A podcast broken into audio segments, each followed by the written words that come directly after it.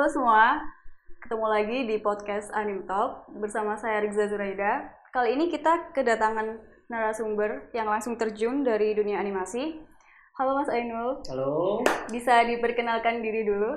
iya, em, nama saya Ainul Yakin. Eh, saya sebagai Public Relation dan Project Manager di Moka Animation Studio. Oke, Ya. bisa dijelaskan nggak Mas, yang bagi yang belum tahu public relation itu tugasnya ngapain aja sih? Oke, jadi Public Relation itu istilahnya dari kata public ya, kita ngurusin orang-orang di luar. Jadi istilahnya kan ada dua ya, ada yang ngurusin produksi, ada yang ngurusin klien, ada yang ngurusin event ini dan sebagainya. Jadi aku orang yang terlibat dalam ngurusin kegiatan-kegiatan yang berhubungan dengan orang-orang luar eksternal. Seperti itu Mbak Riza. Nah, itu pasti eh, Mas Ainul ini bakalan terlibat dengan orang banyak. Nah, Ah, itu bagaimana eh, cara memanage orang-orang tersebut gitu? Oke.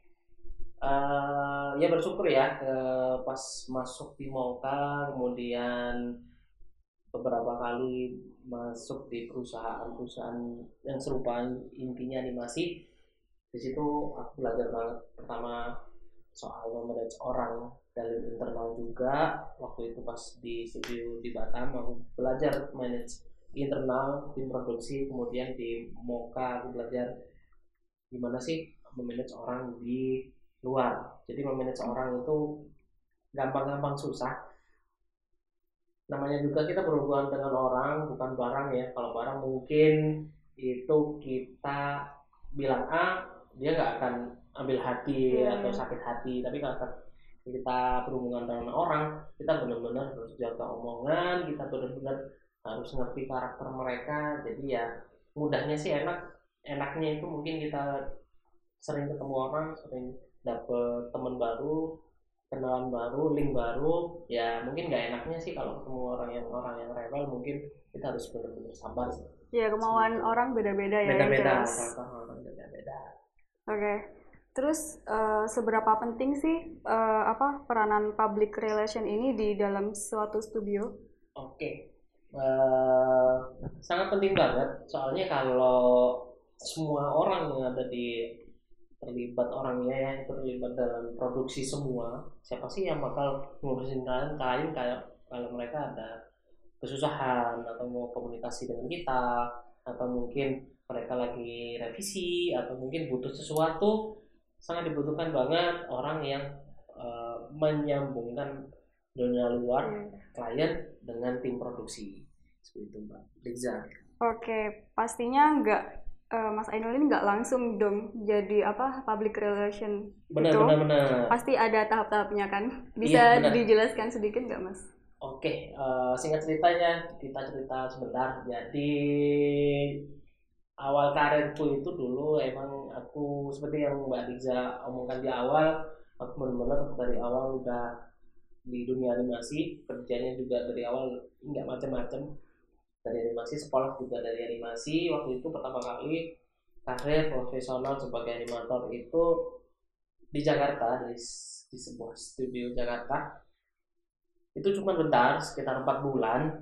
Terus kemudian aku kena PHK, PHK Mbak, sedih ya. Kena PHK tapi itu ada hikmahnya juga. Waktu itu kalau waktu kala itu tahun 2010 dua- 2010 2011 itu ada dua studio yang besar. Yang pertama ada di Jakarta yang aku tempatin. Waktu itu kemudian ada di studio Batam. Mungkin teman-teman udah tahu nggak perlu aku sebutin ya. Jadi waktu itu pas banget pas aku dekat di sana buka open job. Nah akhirnya berselang satu minggu akhirnya aku ikut tes mereka dan alhamdulillah terima. Nah waktu itulah perjalanan gimana sih aku bisa sampai eh, belajar nggak hanya produksi tapi manage orang itu dari Batam. Jadi, hampir tiga setengah tahun aku di sana belajar banyak banget soal manajemen, soal leadership, soal tanggung jawab, soal disiplin, soal tanggung jawabnya sih lebih ke lebih banyak dimarahin. Aku pernah dim- pernah sampai menyerah mau pulang ya gitu ya. Cuman karena emang eman banget karena ilmunya benar-benar sangat luas jadi ya aku harus tetap fact di sana kan gitu setelah belajar manajemen di sana banyak banget ilmunya dari senior seniorku thanks to mereka akhirnya setelah aku rasa aku harus mengabdikan diriku untuk kampung halamanku di Malang Oh iya. akhirnya aku memutuskan tahun 2015 akhir 2016 ke aku pulang ke Malang Mbak Riksa waktu itu Oke. kemudian di, dipertemukan sama Mas Adit kita Mas Adit bareng-bareng dulu di studio di Batam itu jadi kita udah kenal lama. Akhirnya sama Mas Adit aku ditunjuk sebagai pro- project manager sekaligus merangkap jadi profesor Oh. kayak gitu. Double. jadi masih terlibat di produksi juga ngatur ngatur eh, orang-orangnya juga. Gitu Eh, akhirnya tahun berapa ya? Lupa tahun 2018 akhir akhirnya eh, kita sepakat para senior senior ini eh, untuk produksi kita serahkan pada tim-tim yang yang lebih muda Oke. biarkan mereka berkarya kemudian kita fokus untuk ngembang mereka dengan cara Hmm. memanage mereka apa istilahnya eh, nyariin project mereka kemudian pokoknya mereka nggak perlu ngurusin urusan-urusan luar Iya, iya. kita aja yang istilahnya kalau sini ini kita aja gitu dengan mereka Nah, itu sih mbak Berarti pengalamannya udah panjang banget ya Mas Ainul. iya alhamdulillah seperti itu mbak bisa Terus- dikatakan seperti itu Berarti jam terbang itu mempengaruhi nggak sih Mas? jam terbang itu sangat mempengaruhi Sangat, ya. mbak Riza Oke. Jadi istilahnya kalau animasi itu kan bukan kerjaan seperti matematika, pekerjaan kantoran seperti pada umumnya.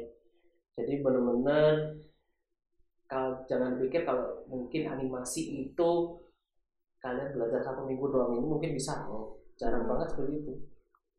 Pernah seniorku bilang bahwa animasi itu adalah belajar seumur hidup jadi setiap setiap mungkin setiap adegan setiap uh, gerakan animasi itu benar-benar adalah pelajaran baru jadi jadi istilahnya jam terbang itu benar-benar dibutuhkan pengalaman itu dibutuhkan makanya kita kalau di dalam animasi itu teamwork itu penting banget. Terus eh, banyak sih yang kayak agak bingung. Jenjang karir di animasi itu seperti apa sih Mas? jenjang karir di animasi itu uh, secara teknikal secara produksi itu macam-macam ya tapi kalau pengalamanku mungkin di studio-studio itu banyak ragamnya Mm. Ya, tapi secara umum itu mungkin dimulai dari junior, kemudian ada middle atau uh, mediate, kemudian mungkin senior, kemudian di atasnya lagi mungkin ada leader, terus ada assistant supervisor, kemudian ada supervisor, kemudian ada produser, kemudian ada saudara dan sebagainya. Perlu, eh, perlu aku jelasin Boleh, boleh, boleh ya? Iya. Mungkin kalau junior, ya itu gerbang awal kita belajar animasi ya. Jadi di situ kalian benar-benar fokus untuk belajar. Mungkin tempatnya kalian digembleng itu pas junior, dimarah-marahin itu pas junior, ya. Iya.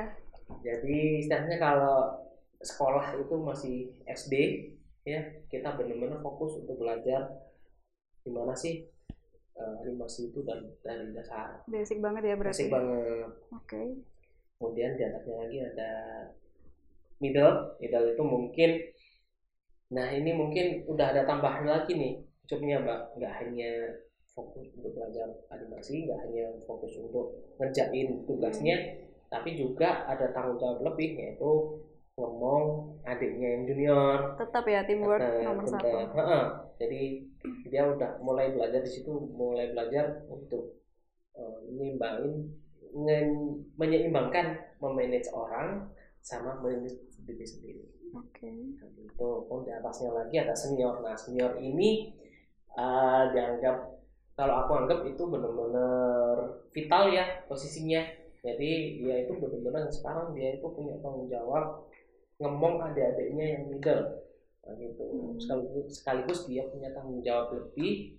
Kalau udah di posisi senior itu kan istilahnya dia udah dianggap dewasa udah dianggap skillnya udah mampunin jadi gimana caranya dia udah menyikapi sebagai contoh yaitu adik-adiknya. Gitu. kemudian leader yaitu mungkin yang ngatur itu kalau leader supervisor dan sebagainya itu lebih ke ini ya jaga kualitas produksinya yang ada di senior middle sama junior Oke, tapi Mas eh, ketika kita nggak bisa apa naik jenjangnya lebih tinggi, itu bisa dikatakan gagal nggak sih dalam berkarir animasi ini? Oke, kita kan gagal dan enggaknya itu tergantung kita nyikapinya ya. Kalau kalian memang, oh, kalau bahasa Jawanya mungkin eh, aku sama gini ya, kamu nggak munggah gitu. Lebih pesimis gitu ya? Malah lebih pesimis, kita menganggap menganggapnya itu adalah sesuatu bahan untuk down dan sebagainya. Ya kalian bakal bakal ada di posisi, posisi itu selamanya Hmm. tapi kalau kita nangkepnya itu oh gak apa-apa deh aku masih belum dianggap layak untuk di step jenjang karir berikutnya berarti ini waktunya aku untuk show off ke mereka aku akan buktikan kepada mereka bahwa aku ini udah layak untuk jadi seorang leader dan senior bahkan untuk jadi seorang supervisor aku ini layak nah jadi eh, tinggal kita menyikapinya kita Seperti itu apa? sebagai eh, Mm-mm. sebagai cambuk atau sebagai bahan ya udah untuk Malah down gitu ya? gitu Oke, buat eh, pendengar kita, ada nggak sih tips trik hard skill atau soft skill apa yang diperlukan agar jenjang karir kita bisa meningkat terus gitu, Mas? Oke, kalau aku mau menekankan nih ke teman-teman yang benar-benar mau masuk ke, ke dunia animasi ataupun industri kreatif, pertama kali yang aku tekankan adalah soal bahasa. Oke. Bahasa, terutama adalah bahasa Inggris ya, bahasa internasional ya. Karena di animasi sendiri kita itu kerja eh, dengan orang-orang nggak hanya di Indonesia, nggak hanya orang-orang lokal, mbak. Jadi kita bekerja dengan negara lain yang menggunakan bahasa Inggris, mungkin Eropa, di Amerika dan sebagainya. Nah, kadang mereka itu kalau kalau revisi pakai bahasa Inggris, kalau nawarin ojek pakai bahasa Inggris. Bahkan kalau kalian simpelnya kalau di YouTube tutorial tutorial tutorial itu kan pakai bahasa Inggris. Jadi itu penting banget. Jadi kalian bisa wawasannya juga lebih luas kalau kalian bisa uh, belajar bahasa Inggris dengan dengan baik. Dan lagi Mhm. banyak sekali apa animasi-animasi di luar negeri sana yang eh, minta untuk Indonesia sendiri untuk Ya, eh, me- apa, mengerjakannya ya. Iya benar benar. benar. Makanya itu harus Harus penting banget. Iya. gitu. Kemudian untuk hard skill yang aku tekankan sih mungkin ini ya selain selain dituntut untuk disiplin juga tanggung jawab ya. Terus konsisten itu yang penting. Soalnya banyak banget teman-temanku yang pas sekolah dulu ya pas sekolah dulu ataupun pas awal-awal aku jadi animator masih sebulan dua bulan udah nyerah oh animator itu gini gini gini. Enggak soalnya kan animator kan butuh waktu ya butuh bener kayak ngomong eh, kayak yang aku sampaikan sebelumnya bahwa animator itu soal belajar animasi itu soal belajar. Jadi eh, konsisten dan tanggung jawab itu benar-benar harus kalian siapkan. Bahkan nggak di animasi aja ya mas. Pekerjaan Heeh. apa pun kalau dikonsistenkan bakalan jadi bakal jadi benar-benar oke untuk yang terakhir nih mas Ah, animasi oke. itu apa sih buat mas Ainul sendiri Wah, oke. Nih, animasi itu secara harfiah, secara dalam kamus besarnya itu adalah menghidupkan ya. Animasi adalah menghidupkan. Cuman kalau aku pribadi secara personal ngomongin soal animasi, animasi adalah kebebasan, animasi adalah keluarga, dan animasi adalah sahabat. Oke semua, itu tadi cerita dari Mas Ainul Yatin. Ternyata membangun sebuah karir dari awal itu susah-susah mudah, tergantung kitanya bagaimana menyikapinya. Dan terima kasih untuk Mas Ainul sudah Semoga berbagi ilmu di sini Iya. yang semoga bermanfaat bagi kalian semua. Dan jangan lupa nantikan episode kita selanjutnya dengan narasumber yang lebih kece-kece lagi. Bye. Bye.